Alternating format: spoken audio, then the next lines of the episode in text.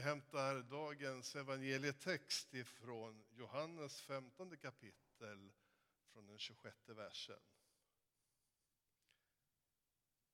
Jesus sa.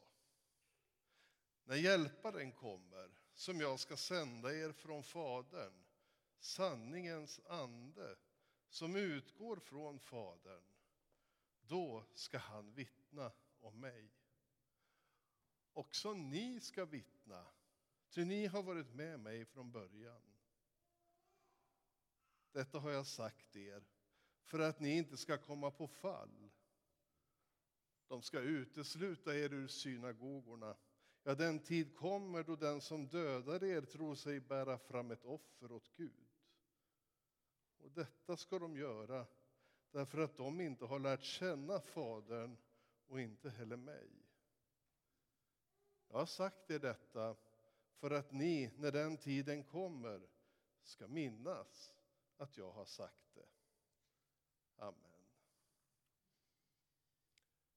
Så ber vi, Herre, att du låter ditt ord bli till liv i våra liv. Amen.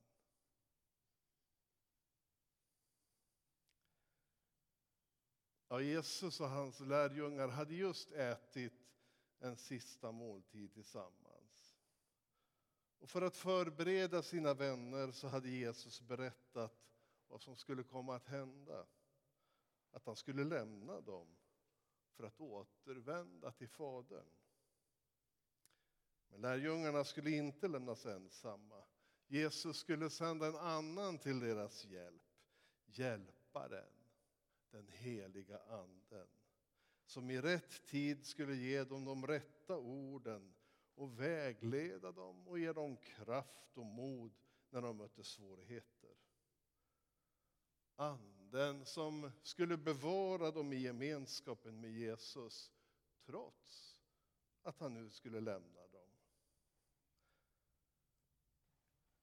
Av de här verserna som vi har läst är en del av det avskedstal som Jesus höll till sina lärjungar med sin början i kapitel 14 och till och med kapitel 17.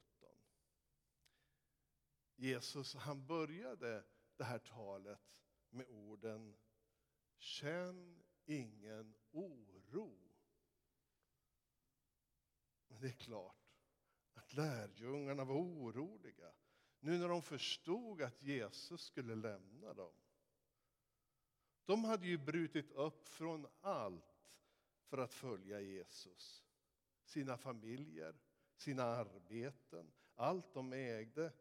Ja, till, ja, allt det som gav dem trygghet i livet hade de lämnat. Och nu skulle Jesus lämna dem. I texten så målar Jesus upp en bild av vad som väntade. Han berättade bland annat att de skulle komma att uteslutas ur synagogan. Det låter kanske inte så dramatiskt, men då ska vi komma ihåg att hela dåtidens samhälle vilade ju på religionen. De som var uteslutna från synagogan, de var ju också uteslutna från allt annat socialt och samhälleligt liv. De räknades inte längre till folket. Och förmodligen så skulle också deras familjer komma att ta avstånd. Ja, de skulle till och med förföljas och hotas till livet för sin tros skull.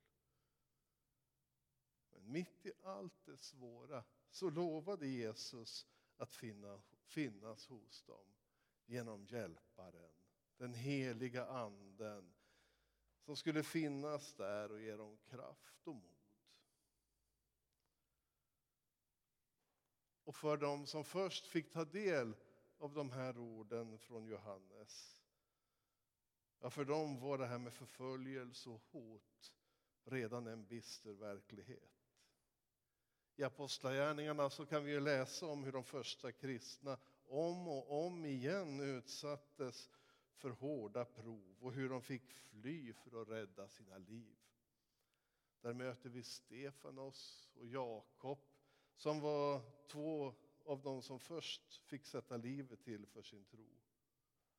Och där läser vi också om hur Saul hur våldsamt förföljer de kristna.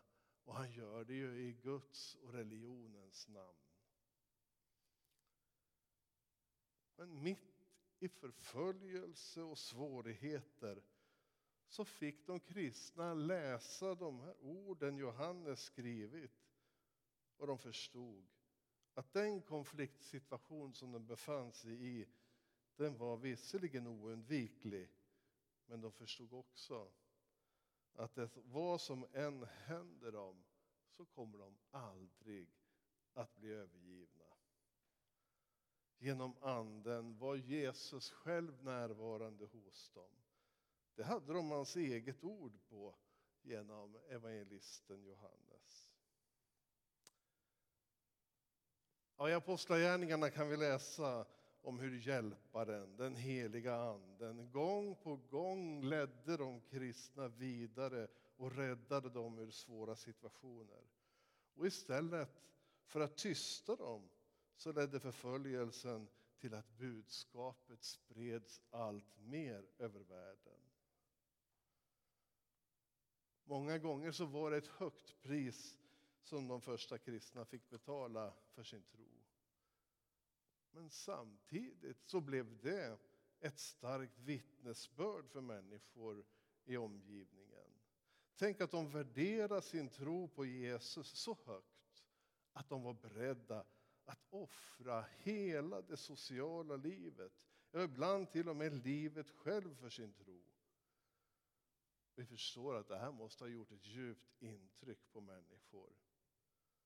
Och det var Anden, Hjälparen, som gav dem kraften och modet. Och vilken styrka det måste ha varit att veta att det var Jesus själv som hade lovat att vara med dem genom sin ande. Som han sa i texten, jag har sagt er detta för att ni, när den tiden kommer, ska minnas att jag har sagt det.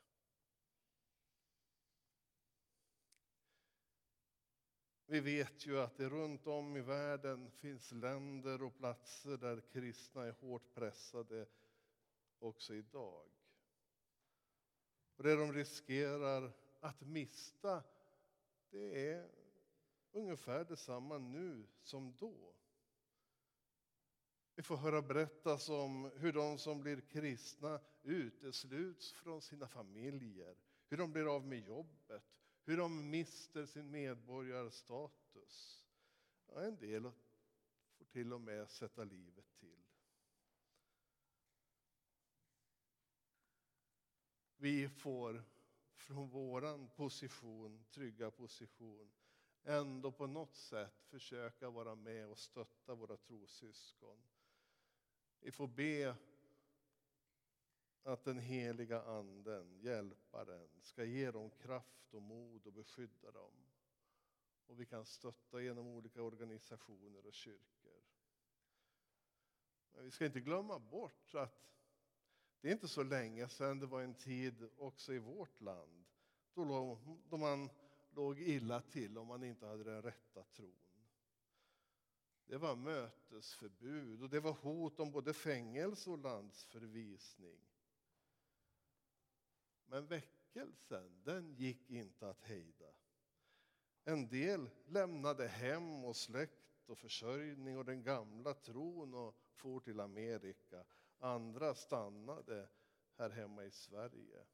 Och vi vet hur väckelsen drog fram och hur läsarrörelsen växte sig allt starkare. Också då blev försöken att stoppa den kristna trons utbredning fick det istället till resultat att den växte sig starkare och spreds allt mer. Det var lite som under de första kristnas tid. Och så fann budskapet med Andens hjälp nya vägar.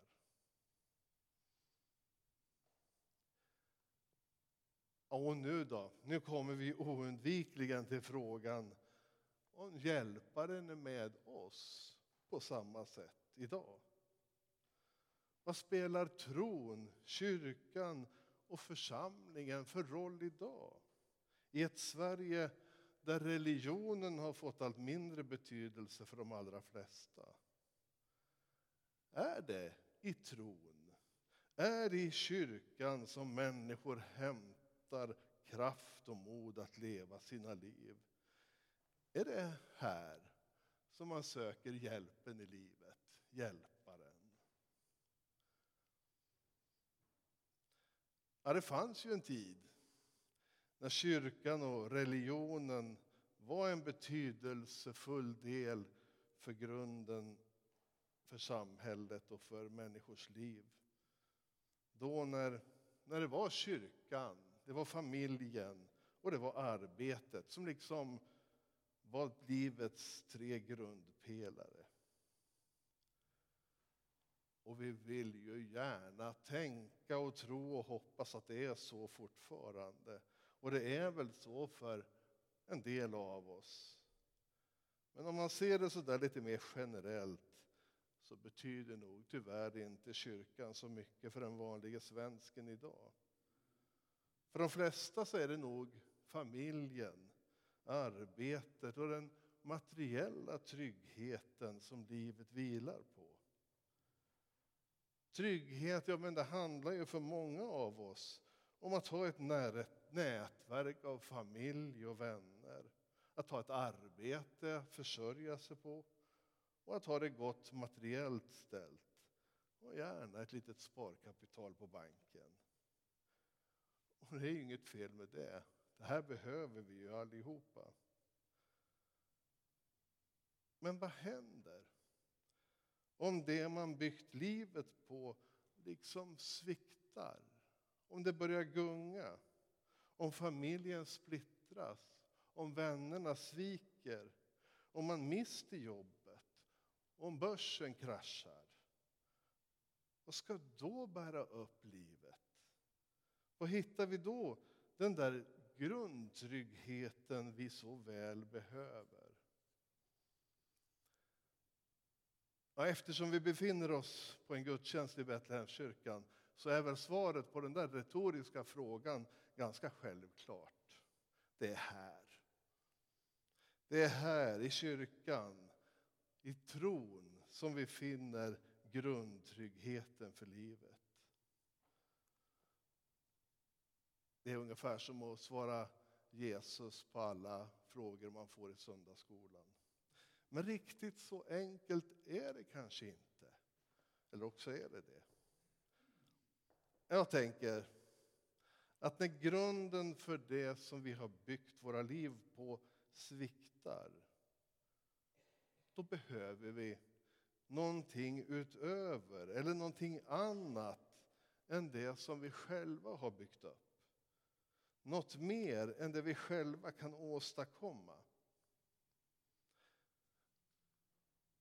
Thomas Sjödin han beskriver i någon av sina böcker, jag minns inte vilken, han beskriver sin bild av Gud som en tro på en Gud som finns på botten. När inget annat bär i livet så finns Gud där längst ner på botten och fångar upp och bär oss. Tron på en Gud som inte sviktar. Och då är det viktigt att komma ihåg att det är inte min förmåga att tro det kommer an på. För den skiftar ju från tid till annan.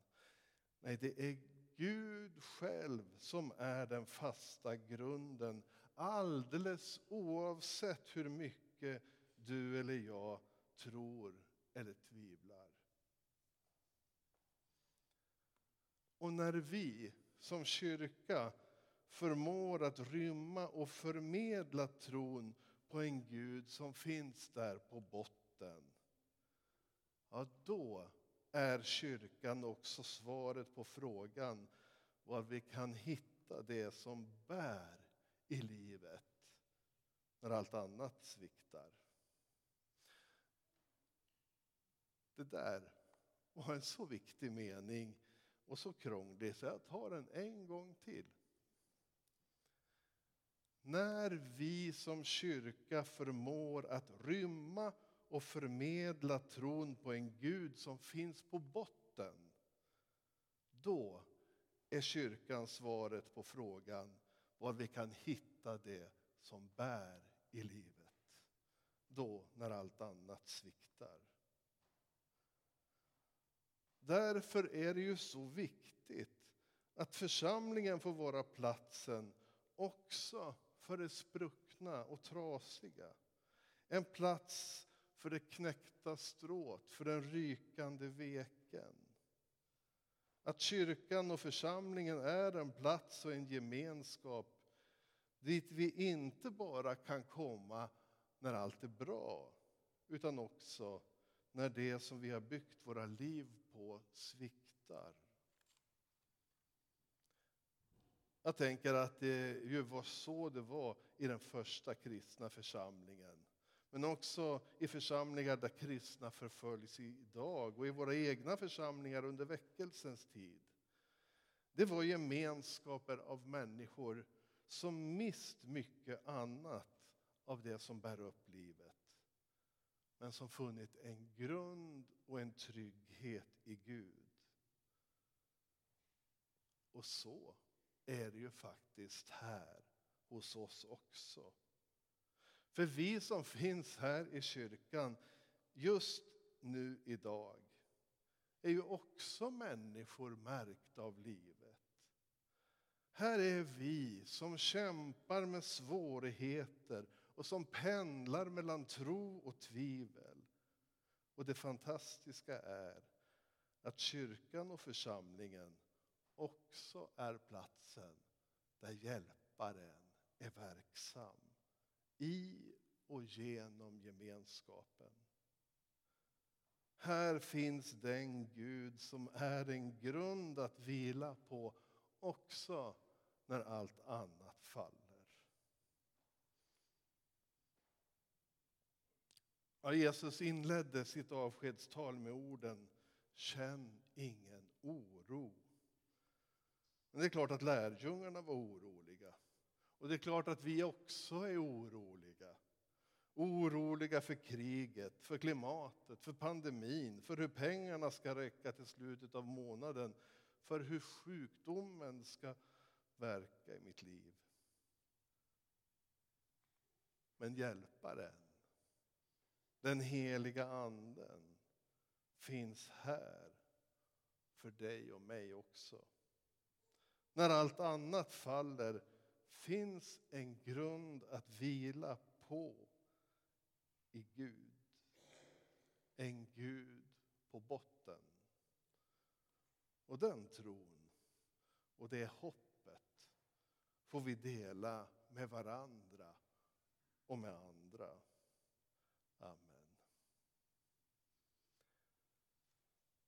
Det är en sång som har följt med under förberedelserna den här veckan. Och jag tänkte, jag måste nog sjunga den också.